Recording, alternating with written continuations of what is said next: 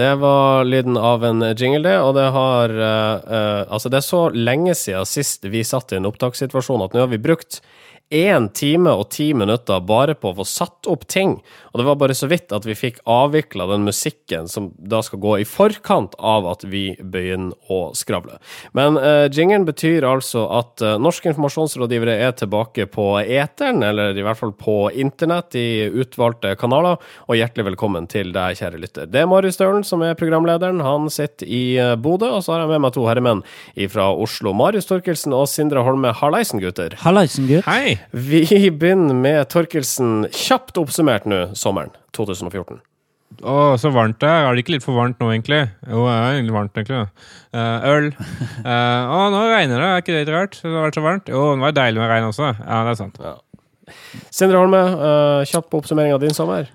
bjørn, gaupe, ulv, reinsdyr. du kunne bare sagt fauna. Fjellrev. natur. Ja. ja. ja kan si. Så bra. Og min uh, sommer kjapt oppsummert. Leiebil, Italia, vin, mat, mer vin og litt strand. Vi er tilbake fra ferie nå, og det er Hans Gelmiden også. Og nå har han trappa opp krigen mot First House. Kampanje nemlig, kan nemlig melde at uh, Hansi han, uh, med en Økokrim nå bør etterforske First House. Hvorfor det? Han mener at First House har brukt sine kontakter på Stortinget til å få politikere til å endre mening. Eh, blant annet i den Troms Kraft-saken, som har blitt omtalt en del ganger eh, tidligere. Eh, og han mener at det er såpass ille at dette er på grensen til korrupsjon. Og dessuten så, så vil han helst at First House sine kunder helst skal jobbe med Gelmøyden Kise. Ja, det er vel mest derfor, er det ikke? Jo, det er vel bare derfor, tror jeg. Ja. Uh, First House de har ikke så mye forståelse for denne ranten til uh, Hans Gelmidden. Nei, det, de lurer på hva slags motiver han har for å, for å gå så langt, da. I å liksom begynne å få ønske å få Økokrim på banen. Det mener jeg blir for drøyt. Ja, det holder at KOM kommer på banen, kanskje? Ja, for KOM Altså, det skal jo mer til for at KOM kommer på banen enn Økokrim. Altså, KOM har jo ikke vært på banen Det har jobba med denne strategien sin i snart to år. Kan, kan, kanskje hvis vi kan opprette en ny avdeling i KOM, kan, kan det hete KOMKRIM? Ja. ja, det var litt kult. Eh, og så har Audi bestemt seg for å avslutte samarbeidsavtalen med Pet Petter Northug. Uh, det var vel kanskje ikke en overraskelse? Sjelden har vel noen bomma mer på et sponsorat enn når Audi våkna opp den eh, søndagsmorgenen og så den Audi-bilen de hadde gitt Petter Northug krasja inn i autovernet i Trondheim. ja. Det var vel bare mye skuffelse, tror jeg, helt ned til Tyskland. Mest skuffelse der. Men Coop de eh, opprettholder sitt samarbeid, da. Ja, de selger jo alkohol, så det, ja, det er jo ja. Øl og, øl, og, øl og Coop, det hører jo sammen. Ja, det er sant. De har mange av de samme kjerneverdiene, Petter Northug og Coop. Ja, ja. ja det, er, det, er for, det, er, folkelige begge nå, to. Nå sier vi ikke at alle i Coop er fyllekjørere, vi bare sier at uh, alle som er fyllekjørere, handler på Coop. All right. Det... Kan, kan, kan, jeg si en ting før vi går på løs med sending? Ja, ja. Fordi eh, jeg var ute og gikk her om dagen i Oslos gater, og hvem var det ikke som kom, kom forbi meg enn eh, Even Sandvold Roland? Og, Nei, nå igjen? og han stoppet og slo av en prat og, og, sa at det skal han gjøre hver gang fremover. Ja. Så jeg vil, det var ikke meninga å henge han ut før sommeren, hvor jeg sa at han ikke stoppet. For jeg vet han var opptatt, men, men, det var hyggelig å prate med han. Han, han ønska oss lykke til og sa at dette var den beste podkasten i verden. Oh, sånn, etter det jeg husker. ja, riktig, riktig. Ja, vi stoler på din husk. og for nye lyttere, dette her var da en referanse til ei gammel sending. Beklager det. Uh, gå gjerne bak og hør litt på. Men uh, dere, det er godt å være i gang igjen, endelig. Og vi sier velkommen vi til norske Hvordan episode er vi på, egentlig? Velkommen. 77. Jeg tror jeg er 77 nå. 77, der uh, har du det. Norske informasjonsrådgivere. Sigurd Grytten han er partner i Synk. Gikk i forrige uke uh, hardt ut mot tre fagpersoner tilknyttet utdanninga i PR og samfunnspåvirkning borte ved Markedshøgskolen. Trond Blindheim, Kjetil Raknes, eller Ketil Raknes, og Carl Fredrik Tangen fikk alle høre det på Facebook-sida til Grytten. Hva er det som gjør at disse som utdanner studenter til et kommunikasjonsprofesjon, bruker så mye tid i offentligheten til å kritisere og latterliggjøre dem som jobber med kommunikasjon? Det vil Grytten vite, ifølge statusoppdatering. Ja, eh, det er riktig, fordi eh, Trond Blindheim er jo en, eh, kjent for å være en ganske sånn spissformulert professor. Han er rektor ved Markedshøgskolen, som jo har satsa på en PR-utdanning. Og han var ute og kritiserte at Forsvarsbygg har betalt børsen Marsteller 17 000 kroner for å få skrevet en kronikk. Det mente Trond Blindheim var bortkasta penger. Ja, og det var det vel kanskje også, for eh, den kronikken som Børsen skrev, eh, den eh, endte da på trykk i Aftenposten, eh, da i form av ti setninger. Altså 1700 spenn per setning. Ja, det er jo uh, gullkantede ord uh, Børsen Marsler her har uh, skrevet. Nå vet vi ikke hvor mye makt det, det flytta, da. Det er helt umulig å regne på verdien til, inntil vi vet uh, maktflyttingsvolumet. Ja, det er klart. Men det der regnestykket regnestykke vi ikke skal bi oss ut på. Men uh, kjernen i kritikken til Blindheim er at uh, Forsvarsbygg har da kommunikasjonsrådgivere inhouse, ergo må det være unødvendig uh, å gå og betale Burson Marster eller 17 000 for en kronikk de like gjerne kunne skrevet sjøl. Sånn Jeg er litt sånn lei den kritikken der. Eh, fordi at eh, ofte så handler jo det med å hente inn rådgivere handler det også om å eh, det er alltid lurt å liksom ha et par friske øyne på ting, og, og kanskje akkurat i det tilfellet her så hadde kanskje ikke folk kapasitet til å skrive det. Ja, men det, er, det er jo litt sånn som Sindre sier. Ofte så kjøper man jo enten kompetanse eller så kjøper man kapasitet. Og i dette tilfellet så kanskje de kjøpte kapasitet. For hvis Forsvarsbygg bare har én kommunikasjonsrådgiver, så ser vi at vedkommende er overarbeidet. Jeg vil bare legge til en saksopplysning her, og det er at eh, kommunikasjonsstaben til Forsvarsbygg utgjør altså 18,5 årsverk. Ja, men det er én person som Det jobber er én sykt person mye. som jobber sykt mye. Men jeg, jeg tror nok dette er en uh, irritasjon som har bygd seg opp over tid. Det er sikkert bare en dråpe som uh, har rent over for uh, Grytten sin del. Han er jo tidligere Børsen Marsteller-rådgiver selv. Eh, så han tenkte vel eh, Han hadde vel litt sånn eh, medfølelse for sine gamle kollegaer. Og så tenker han at faen, den der gjengen her, den trioen med Raknes, Tangen og Blindheim, de eh, har sagt så mye usaklig og tåpelig og ned, ned... Hva skal jeg si? eh, nedvurderende om PR-faget tidligere at eh, det her var bare dråpen. For at Carl Fredrik Tangen er jo, syns jeg, da, kanskje er den eh, Kanskje mest irriterende av de tre. Eh, Han har jo blant annet sagt at liksom, PR er bullshit, har han eh, sagt eh, før. Og likevel så underviser han på et PR-fag. Ja, men eh, samtidig eh, er det ikke sånn at eh, rektor Blindheim har et poeng når han sier at akademia skal ha en fristilling og må stå fritt til å kritisere profesjonen og de aktørene som bedriver den? Jo, altså, men sånn, det gjelder ikke bare ak akademia. Altså, alle mennesker i Norge har jo rett til å kritisere hvem de vil. Jo, men her er jo da poenget det at vi har PR-folk som kritiserer PR-folk. Jo, Man trenger ikke å være enig i kritikken for det. Det er vel det som egentlig denne saken her handler om. Altså, Man kan jo måtte skape seg et verdensbilde og kritisere på bakgrunn av det, men hvis ikke verdensbildet er korrekt, da, eh, så, så faller jo også kritikken deretter. Det som jeg kanskje savner, eh, og vi som har jobba med PR savner, er folk som kan uh, fortelle litt om hvordan, uh, hvorfor, eller hvordan uh, PR fungerer i dag. Da, hva slags funksjoner har i, i samfunnet osv. Det, det har jeg vel aldri sett Blindheim og Carl Fredrik Tangen eh, eh, si noe om. Men de forteller hva som ikke fungerer, og så kan man resonnere seg derifra. Jo, Ja, eh, altså, ja, resten ja. fungerer, da. Ikke sant? Eh, De forteller jo hva, hva man ikke bør gjøre, eller hva PR-folk ikke bør gjøre. Ja. Og da kan man prøve å gjette seg til. da. Hva er det egentlig PR-folk kan gjøre, og hva kan man gjøre hvis man er utdanna PR-rådgiver? Right. Sigurd uh, Grytten eh, er sint på markedshøyskoler og folkene, folkene der borte. Tommel opp eller tommel ned? Tommel opp. Jeg gir tommel opp til eh, Sigurd Grytne. Altså. All right. Norske informasjonsrådgivere. Vi skal til Alta, der eh, Altaposten har sett seg kraftig lei på at mediestorebror Nordlys stjeler saker fra dem. Nettsjef Arne Reginiussen kan fortelle til eh, magasinet Journalisten at de en tirsdag publiserte en sak om at pizza Grandiosa ble servert som barnepizza på en lokal restaurant. Eh, og kort tid etter så hadde Nordlys publisert akkurat den samme saken, knapt uten egne bidrag. Uh, og dette gjelder en rekke saker, forteller Reginiussen, som da presenterer overfor journalisten en fyldig liste over saker han mener Nordlys rett og slett har stjålet. Dette er parasittvirksomhet og klikktyveri, sier nettredaktøren. Ja, jeg, jeg syns det er en veldig interessant eh, sak. Eh, både fordi den er morsom, fordi man, altså, det er litt sånn, man krangler om ting som egentlig ingen av de burde trykket. Eh, som eksempel eh, veimerkingsglipper og ekornpappaer. Som begge er saker som både har figurert i Altaposten og Nordlys, og de burde egentlig krangle om hvem det var som ikke hadde den først. Holdt jeg på å si. Sånn, ja, vi, vi hadde den ikke først. Eh, er dere som skrev om ekornpappa, uh, så uh, det syns jeg er rart. Men, men det, er, det, er, et interessant prinsipp uansett, fordi Nordlys de sier at de er en regionsavis. så de har jo et ansvar overfor hele regionen Nordland på å formidle innhold fra de små lokalavisene.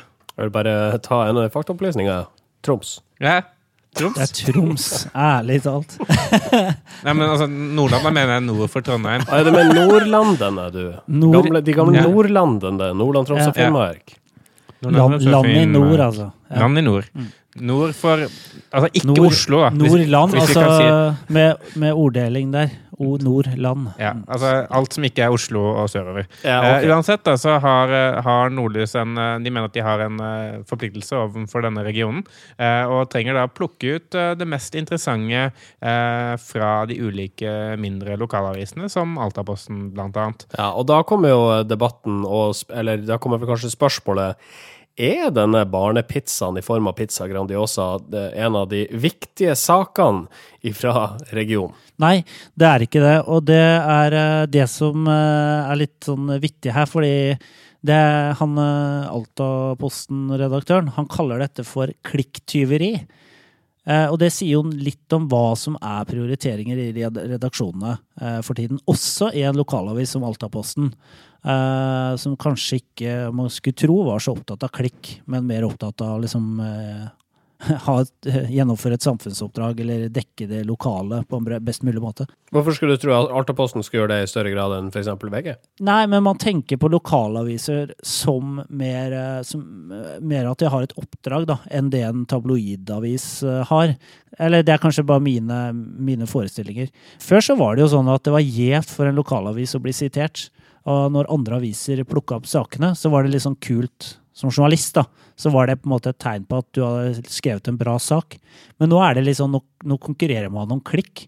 Altså, hvis du leser om ekornpappaen i Nordlys, så gidder du ikke å lese om den i Altaposten. Nei, og, og det er jo nettopp det, der vi egentlig har endt opp. Da. Altså sånn, uh, uansett uh, hvor mye Det er viktigere liksom, at en del leser en sak ett sted, enn at mange leser avisen eller leser saken på nasjonal basis. Uh, og, og det er jo helt tydelig, fordi det er jo, altså, nettavisene selger jo trafikk. Da. De selger jo klikk til uh, bl.a. til mediebyråene og, og våre kunder igjen. Da. Så hvis de kan si at uh, nå har vi så mange bra saker om uh, barnepizzaer, Grandiosaer uh, og ekornpappaer at eh, vi har økt antall brukere på Altaposten med 20 så, så kan de selge flere brukere og flere annonsevisninger og tjene mer penger, og kanskje lønne en journalist til som kan skrive enda flere saker om eh, griser som ligner på Johnny Depp eh, i Finnmark osv.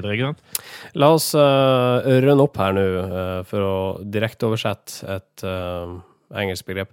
Uh, Nordlys er parasitter, hevder Arne Reginiussen i Altaposten. Ja eller nei? Jeg, jeg syns det virker parasittete. Ja, jeg er tilbøyelig til å være enig i det. Norske informasjonsrådgivere.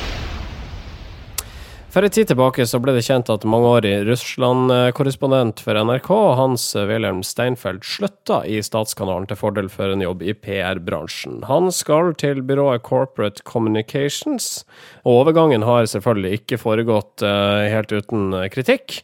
Men Steinfeld sjøl avfeier alle kritiske røster og tar et godt tak i nakken på dagens journalister, som han mener driver med pekefinger- og sladrehankjournalistikk, som primært kolporterer til bygdesladder, sier Steinfeld til Bergenstiden. Og la meg først spørre, hva betyr det ordet? Sindre, du kan, eh, du kan mye flere fremmedord fra den der hovedfagsoppgaven din. Ja, jeg, hadde, jeg skrev hovedfagsoppgave om kolportering. Eh, det var jo den første hovedfagsoppgaven min i lingvistikk. Eh, det betyr å reise omkring. eh, og spre ting. Spre rykter, egentlig. Det er litt som Ja. Det motsatte av Ivar Aasen, på en måte, som reiste rundt og samlet inn. Samlet inn rykter Ja. og, og utga det i bokform.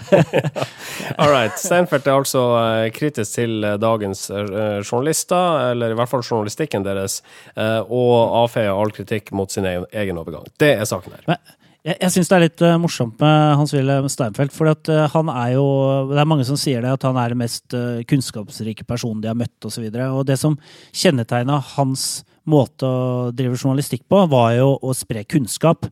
Han fortalte om ting folk ikke visste om fra Russland. Det var det som var så fantastisk spennende med å høre på hans rep reportasjer. Men når han uttaler seg utenom å være korrespondent, så er jo enten så er jo superkrass og kritisk selv. Han er jo sånn Han er jo, eier jo ikke på en måte Det er jo ikke noe balanse. Eh, Så, så nå er det på en måte sånn at jeg er sikker på, Hvis han hadde blitt spurt om PR-rådgivere hva han syntes om de mens han var journalist, så ville han ha hudfletta PR-rådgiverne. Men nå som han er blitt PR-rådgiver og ikke er lenger journalist, så kaster han seg over journalistene. Da. Eh, og han, eh, han refererer jo annet til den derre romfolksaken som NRK ble felt i PFU for. Ja. Hvor de hadde portrettert en, eh, en mor, en romfolkmor, eh, på en ganske sånn Hva skal jeg si måte, og så viste det seg at hun hadde solgt ungen. Ja, ikke sant? Uh, og han refererer også til Tore Tønne, som var en uh, minister som tok livet sitt uh, for noen år siden. Og han ble jo jakta på av mediene. Og, og, og, det jeg mener, er vel at journalistene ikke driver opplysning, men heller driver jakt da, på enkeltpersoner og egentlig er mer opptatt av å, å på en måte dømme rett eller galt enn å opplyse. da. Ja, og så syns jeg det, det pekefingerjournalistikkbegrepet er litt interessant. da, fordi eh, Det handler som Sindre sier om å jakte i flokk, men det handler også om eh, noe som egentlig toucher litt opp på vår bransje. og Det er det der med at eh, når noen har gjort noe, da, eh, har uttalt seg om noe eller gjort noe galt, eh, så bruker journalistikkene disse omdømmeekspertene eller eh, talspersoner og kilder på en måte som talerør for seg selv. Da, fordi eh, de jakter ofte noen som kan si ja, det var dumt gjort, personen burde ikke gjort dette, eh, man burde ikke eh, kjørt bil i fylla osv. Eh, og man velger liksom bevisst kilder som bygger saken i en sånn moralsk, på en sånn moralsk måte. Da, eh, hvor man egentlig eh, bruker Jarle Aabø som talerør for sin egen personlige mening, fordi journalistene skal jo være objektive. Man leter etter kilder som kan bekrefte egne meninger, med andre ord. Ja, nettopp. Så istedenfor å bare dokumentere eh, Petter Northug, 27 år, kjørte inn i et gjerde, ferdig, så skal man finne ut hva liksom tolv personer kan si Tolv personer som kan være negative om det, skal liksom trekkes inn og skal være i denne saken, selv om alle jo forstår at det er negativt. Ja, men han har jo en sånn, Når du er utenrikskorrespondent, så er det veldig avslørende hvis du ikke kan noe om det du snakker om. Eh, Det er, det er veldig lett å se, eller avdekke. Eh, Men eh, det kan man unngå som, eh, hvis man er en annen type journalist. Da. Ved å bruke kilder som gjør at man kan lage en enklere vinkling på ting. Altså Brennpunkt, som vi har vært inne på tidligere, lager ofte veldig sånn jeg har i hvert fall gjort det flere ganger, lagd veldig sånn enkle vinklinger på, på PR, hvor vi sier at ja, men det er jo mye mer komplekst enn som så. Her gjør de det enkelt for seg selv. Og det er den type pekefingerjournalistikk og historieløshet da, som Hans Wilhelm Steinfeld uh, snakker om, tror jeg. Det, det er liksom den her Det med å gjøre Det med å kutte svinger og gjøre, gjøre jobben for lett, da. De er rett og slett ikke smart nok, majoriteten av norske journalister. De er bare ikke like smarte som uh, han selv. Eh, og og det, det kan jeg sannsynligvis si at det er sant. Ja. Det er vel ingen av oss. Steinfeld har et det poeng, da. Ja. Han har et poeng, og jeg er bare glad for han ikke uttalte seg kritisk om norsk podkastbransje. Vi slapp unna kritikken, så jeg tror vi gjør alt riktig. Heldigvis. Og nå er han jo nå er han på vår side, så nå er det bare ja, bare gode tider. Ja, Det har vært en morsom gjest å få med. Kan, kan vi ikke lage en sånn Twitter-kampanje for det? Ja. Velkommen til oss, eh, Hans Wilhelm Steinfeld. Norske informasjonsrådgivere. Vi skal til Sveriges Radio, som har eh, påtatt, påtatt seg jobben å out vanskelig og byråkratisk politikerspråk. Allmennkringkasteren har lansert en tjeneste som analyserer politikerspråket. Hvordan er det dette fungerer? De, eh, de mater rett og slett eh, altså, riksdagstal, altså sånne innlegg fra Stortingets talerstol eh, i Sverige, da, eh, i, et, eh, i sånn, eh, et analyseverktøy som kan se om eh, hvor eh, komplisert eller eh, ukomplisert språket er. Og det går fra ene aksen, hvor det er, liksom, det er så lett som en eh, eh, som en barnebok eh, å forstå, eller det går eh, på andre aksen. Så handler det om at det er veldig byråkratisk og akademisk og vanskelig å forstå. Eh, og så har de analysert eh, over 11 000 eh, innlegg.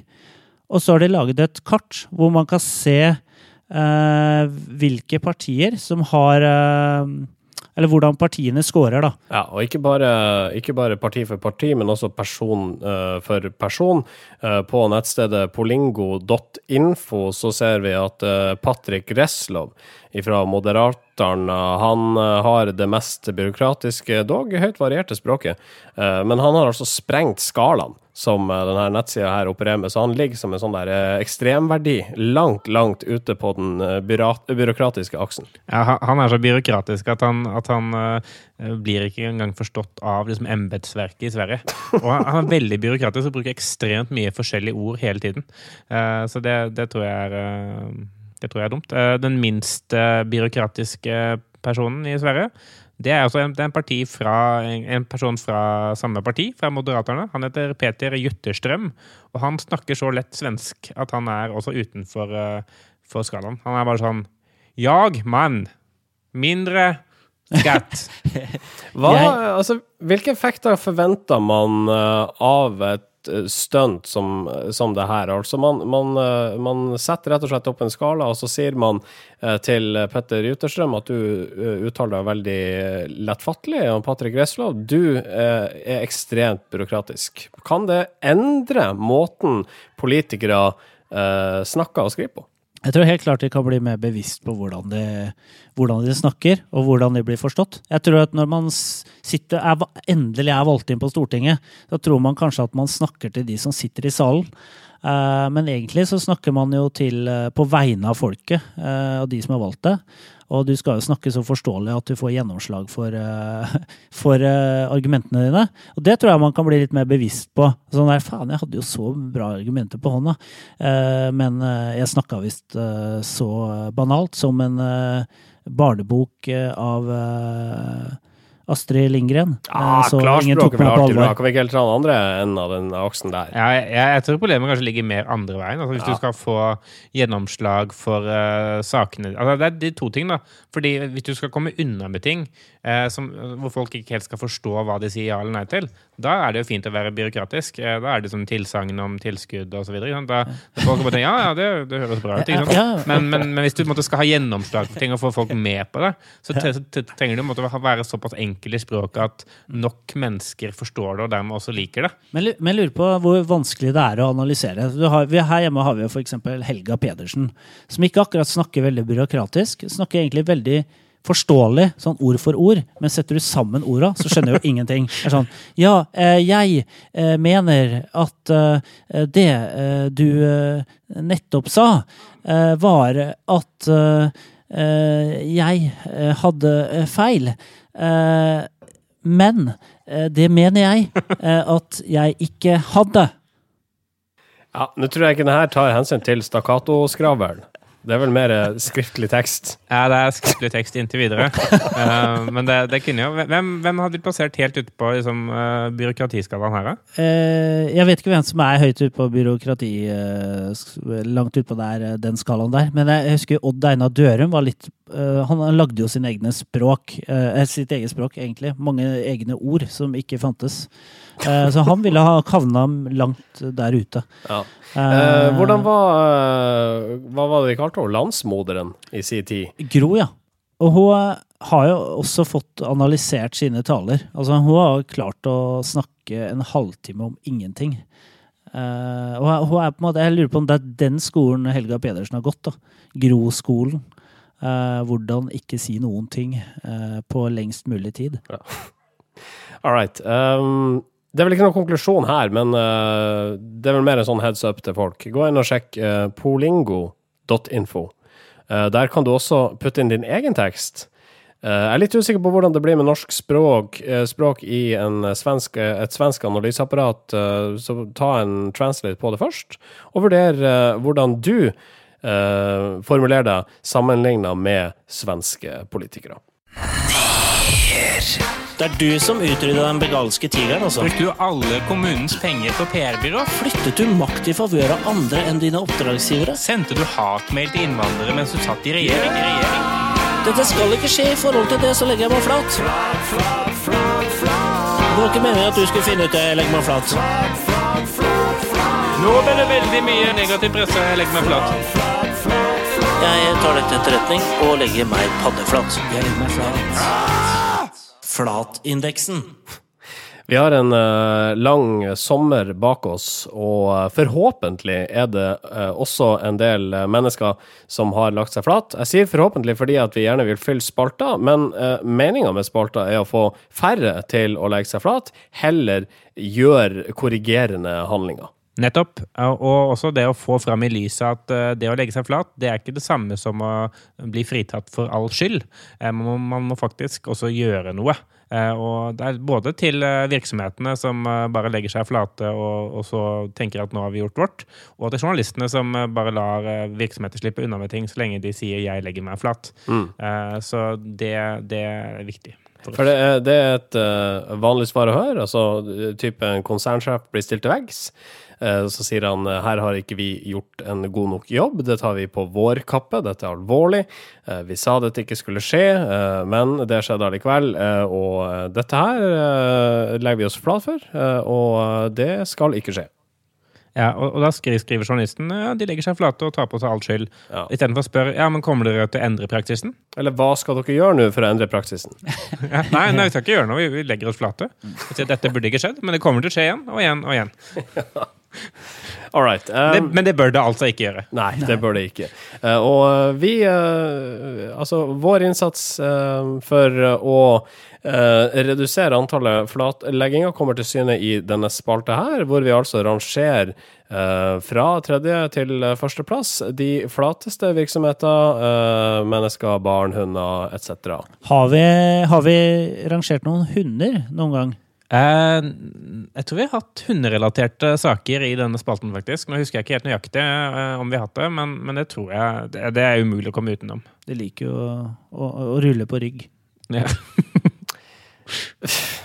Marius, det er du som er sjef for eh, flatindeksen, eh, og du har ingen hunder på lista eh, denne gangen. Men la oss se hvem som er tredje flatest for sommeren som har vært. Ja, tredje flateste, det er rett og slett eh, ledelsen for det kommunale badet i Sørum, eh, i Sørumsand kommune. Eh, og da mm, rettere sagt virksomhetsleder Geir Sverdrup. Fordi midt under sommervarmen i, i juli, så kom isglade sørumer, sørumminger, til dette badet, kun for å finne et skilt hvor det sto 'Tomt for is' i kiosken på Kuskenrudnebbet friluftsdag. Eh, i da Sørum.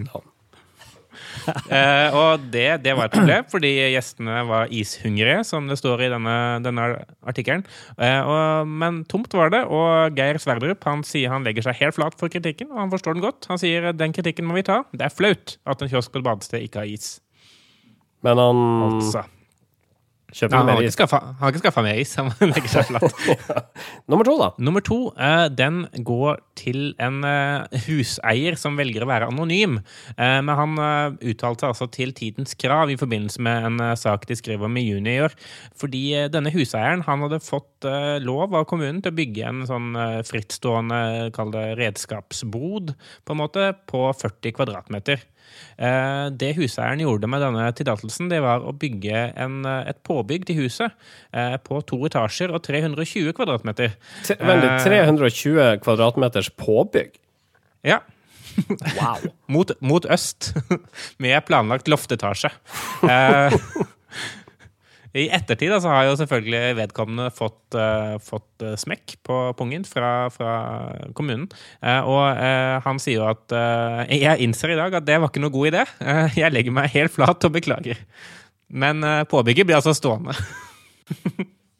Men ja, det, det, det funka å legge seg flat. Det gjorde det. Og redskapsboden, aka det ekstra huset, blir altså stående. Og vi går til mm, sommerens flateste. Hvem er det? Eh, sommerens flateste, det er Øystein Stray Spetalen. Eh, for han, eh, han er jo påtenkt som nytt medlem i PFU, eh, blant annet. Ja. han er aktuell der. Og jeg vet ikke om det var derfor, men han, han var på vei hjem her en dag i, i sent i juni. Og så var det en annen dame som sto utenfor huset hans og prøvde å ta bilde av han.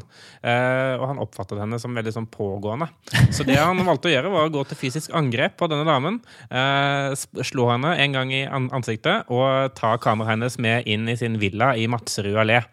Eh, så fant han ut at denne damen jobber jo for VG, og hun heter Line Møller og er fotograf i VG. Ja. Eh, dette ble jo klart eh, på en eller annen måte, som ikke helt framgår av artikkelen. Men jeg regner med at han fikk en telefon fra vedkommendes arbeidsgiver, og han kom ut igjen med kamera etter hvert. Han beklager at han ikke visste at det var en, en VG-medarbeider. Han trodde det bare var en ufyselig nabo. Og han sier det jeg gjorde, var forkastelig. Jeg legger meg flat. Beklager. Beklager. Altså, begge de to siste eksemplene er, er, eh, er bruk av flatlegging for å egentlig få gjennom vilja si. Ja, jeg tror det. Det er, det er jo nettopp det der. Og så bare sånn der, Ja, jeg slo henne, hun skulle ikke ta bilde av meg. Og, og, og jobber i veggen. Det var jo teit. Ja, at la oss få dette ut av verden så fort som mulig. Jeg legger meg flat. Ja. All right. Hjertelig takk, eh, Marius Torkelsen, eh, for oppdateringa på flatlegging gjennom eh, sommeren. Um, flatindeksen er tilbake i september. Ukas medieinnsalg. Og eh, medieinnsalget, prisen for medieinnsalget denne uka er delt. Ja, det er den. Det er eh, Ikke sant, vi er jo eh, Agurksesongen ble skjøvet litt. Eh, Vi hadde jo litt mange sånn makabre nyheter i løpet av sommeren. Det var parteringsdrap i Hareid, og eh, ISIS har jo holdt på eh, borte i Midtøsten, og Gaza-krigen har holdt på. Så det har liksom ikke vært rom for på å ja, terrortrusler trusler, trusler i Norge osv. Så, videre. så Så vi er, den er blitt skjøvet. Det er litt sånn som det er på en måte litt sånn som klimaet en- sånn Sommeren har eh, kommet på litt sånn rart uh, Kommer jo juli i år, det pleier å regne i juli. Eh, så da ble agurksesongen blitt forskjøvet. Og den har kommet nå, da. Men nå er Eh, disse agurkene lange og saftige, og de henger og dingler. Og Det er bare å tenna i dem. da All right, det la oss eh, eh, komme inn til eh, kjernen her. Altså, den ene som får en medieinnsalgspris denne uka, det er Ørnulf Høyer eh, bak denne, dette luksusvarehuset Høyer. Ja, det er jo en butikk på Egertorget i uh, Oslo som, som er oppkalt etter hans uh, etternavn. Og det er Dagbladet lagd en stor sak med en bildespesial og greier, og- med masse kjendiser som, uh, som da har vært på en fest som Høyre her har arrangert. Og det de vinkler på, det er liksom hva som er deres dyreste Høyer-kjøp. Eh, altså, jeg kan ikke tenke meg noe mer uh, Det her må jo være et, digitalt bilag. Det må være Salgsutlø betalt. ja, eh, det veldig salgsutløsende PR, vil jeg si. Uh, For her uh, forteller jo da det ene kjendisen etter den andre om de flotte produktene de bare ikke kunne la være å kjøpe av godgutten Ørnulf Høyer, som, som de alle får gode dealer hos, som da er innehaveren av Høyer. Eh, Så det er liksom produktporno, uh, det er det er liksom vinkling. Alt er uh, Alt tilsier at det er digitalt bilag, som Ja. du sier. Jeg, jeg, vil, jeg vil bare quote moteekspert uh, Ingeborg Heland Nei, Hel, Heldal. Heldal, eh, som sier til Dagbladet det dyreste jeg kjøpte på Høyre, var vel et spor for sko fra Valentino. Et par sandaler med studs. De kosta vel 6000 eller noe sånt. Og det er de dyreste skoene jeg eier. Ja. Prikken over i-en her er jo at de faktisk vinkler på Høyer sine produkter uh, og, og prisen på de. Uh, det, det pleier man ikke å gjøre. Altså, altså, det er vanlig å, å invitere kjendiser for å få PR, men uh, man regner ikke med å liksom få Så mye PR. Det hadde, det hadde selv ikke Høie regna med. Nei, så det digitale bilaget der tror jeg ikke Høyre jeg tror, jeg tror, Høyer skrev jeg tror, jeg tror han ville blitt flau hvis han hadde skrevet det digitale bilaget selv.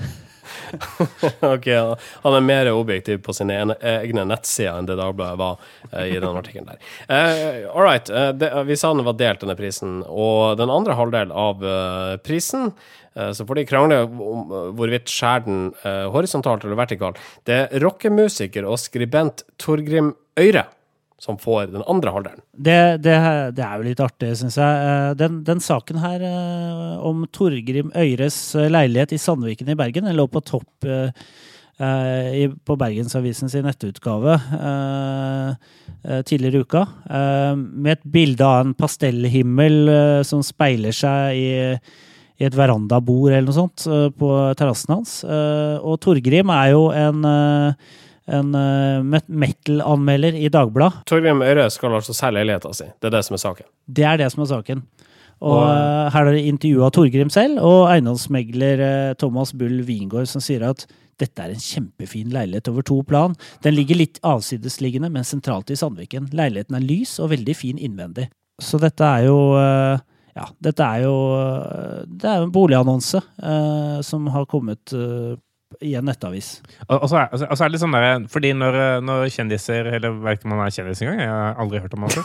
Men eh, når, når mennesker eh, som visstnok er kjent, selger leiligheter, og det omtales i en avis, så forventer man liksom at dette er en dyr leilighet. Dette er sånn, Den koster en del. da. Men er sånn prisantydningen er satt til 3,5 millioner. da. Så det det. Du skal du passe på å ikke gjøre deg for fin her for 3,5 millioner. Det er ganske mye for leilighet for veldig mange mennesker. Det har vært, jeg hadde ikke kunnet kjøpe tre- leilighet til 3,5.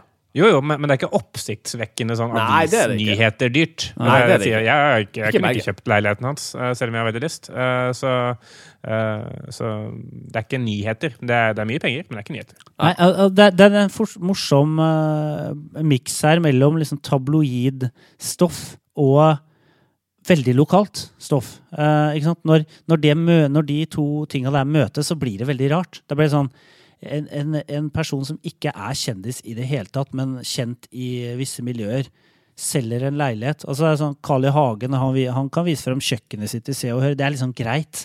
Men uh, det er litt pussig når en metal-anmelder i Dagbladet, som jobber frilans der, uh, får, får uh, den oppmerksomheten. Og skal sies at Torgrim er veldig flink journalist. da. Ja, skal det sies. Så han ville aldri skrevet denne saken her selv. Han har da Nei. integritet som journalist. Ja, ikke Ja. som Så det er digitale bilaget her tror jeg ikke det er han som har skrevet det. Nei, nei. All right. Gratulerer til dere. Høyre og Øyre. Medieinnsalget er deres pådeling. Ukas kudos. Ja, det, kudosen den går til et nettsted. Vi vet ikke hvem som står bak, er det det? Nei, eh, jeg bare oppdaget den på, på Twitter ved en tilfeldighet. Ja.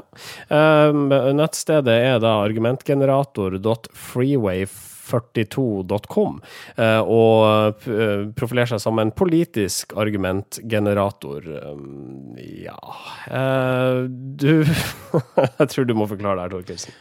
Dette er en eh, nettside som eh, hjelper deg med å generere argumenter og motargumenter. eh, for når du er i en debatt og gjerne vil sette motstanderen litt fast, spesielt hvis du har feil selv. Da. Så la oss si at du sitter og diskuterer eksempel eh, abort, eh, eller si sitter og diskuterer eh, sykehusnedleggelse i Møre og Romsdal, så kan du eh, vinne denne, debatten ved å påvise at motstanderen din er dobbeltmoralsk fordi motstanderen ikke bryr seg om en annen type ting.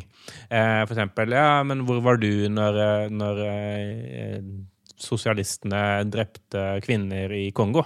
Hvorfor bryr du deg ikke om det, når du bryr deg så mye om dette her? Og så har du måttet fullstendig avspore debatten, og så, og så vinner du, på en måte, fordi motstanderen din er en hykler. Avsporingsgenerator, egentlig? En slags avsporingsgenerator. Så denne her, her, her kan du da velge argumentasjonsform. F.eks.: eh, 'Hvor var du?' eller 'Hvor var hylekoret?' eller eh, 'Brydde du deg da?' og så videre. Og så kan du velge en eh, aktør. Eh, det er mange forskjellige ak aktører å velge mellom. Uh, og så kan du også velge liksom, både land og uh, hendelsesforløp. Eller kan du også bare trykke på en knapp som heter 'prøv lykken', og så får, får, du opp en random setning. Så hvis jeg og Sindre skulle diskutert uh, eh, hvorvidt det er helt OK og, for, for bønder å, drepe hunder med hagle, som har vært oppe i nyhetene i det siste. Og Sindre var veldig imot det, og jeg ikke hadde noen gode argumenter argumenter eh, for, for det. Så kunne jeg sagt ja, men uh, hvor var du da bolsjevikene ødela flere kilometer med kjærevei Kongo? Hæ? Hva? Ja. Hæ? Da sa jeg ikke noe. Nei, da sa sa du ikke noe. Da brydde du deg ikke. Men om denne bikkja, så bryr du deg plutselig. Argument vunnet. Argument vunnet. Sak vunnet. Eller hvor var du da bolsjevikene ska- skamklippte kvinnene i Sierra Leone? Hæ? Hva? Det er mye bolsjeviker her, merker Altså. Bolsjevikene er lett å komme trekkende med, for det er ingen som husker de. Nei, Så det er sånn, nei, altså, jeg vet ikke. Eh, All right. Uh, argumentgenerator punktum freeway 42 i ett punktum kom. Uh, vi legger sikkert uh, dette ut på Facebook-sida vår. Den har vi fortsatt, uh, selv om det har vært en eh, lang sommer. Vi legger sikkert ut eh, linken der. Uh, kudosen er deres, eh, og gratulerer. Norske informasjonsrådgivere. Ja, denne første sendinga eh, etter eh, ferien eh, er ved veis ende. Altså, vi må jo kalle det for høstsesongen. ja. Ja, dessverre. Det gjør litt vondt å bruke akkurat det begrepet, det er- men jeg klarer ikke å finne noe annet. Nei, det er, eh, Det er vi er inne i høstsemesteret, i hvert fall. Ja. Det, det slo meg nå jeg så Hans Gelmen på kampanje i dag. Nå er høsten begynt. Altså, nå, er liksom, nå er ferien over, liksom. Ja, det er snart uh, gullkornsyting og, Ja. og mye som kommer nå. Remjing. Det er mye å glede seg til i det Altså i PR-landskapet i tida framover. Vi, vi vil ha nok å prate om, med andre ord. Ja, ja det er deilig. Nettopp. Det er kjempefint for oss. Um, kanalene du når oss på, er facebook.com slash Nearcast. Vi har ei slags Jeg vet ikke om det er fanpage eller om det er vår kommunikasjonskanal ut, um, men den er nå der. Uh, så har vi en e-postadresse. Det er da nearcast.jahu.com. Du finner oss på iTunes og i Soundcloud. Bare søk på Nearcast eller Norske informasjonsrådgivere der. Uh, har dere noe å legge til fra Oslo? Nei, og så kan du jo diskutere sendingene på Twitter, eh, for det er jo ganske mye å ta tak i her, føler jeg. Så please, please gjør det. Eh, bruk hashtaggen Nearcast. Og hvis dere ser Hans Wilhelm Stellen Steinfeld, så si at han skal møte opp på Ja, det må vi jo finne ut hvor det er, i så fall, da, men, møte opp sammen med oss og være med som gjest. Fordi eh, hvis ikke så er vi nødt til å finne en bergenser som kan imitere han, og det er ikke bra for noen av oss. Og da, derfor har vi innført eh, eh, altså hashtaggen Steinfeld til NIR, eh, som du kan bruke på Twitter for å legge press på Steinfeld og folkene rundt han. Da tror jeg vi rett og slett skrur av opptaksutstyret og går hver til oss. Uh, mitt navn er Marius Stølen. Uh, jeg sier eh, takk for i dag. Uh, det kan dere også gjøre, gutter. Ja, Sindre Holme sier takk for nå. Og Marius Størkelsen sier tusen takk for at du lyttet på oss igjen. Det var hyggelig. Norske informasjonsrådgivere.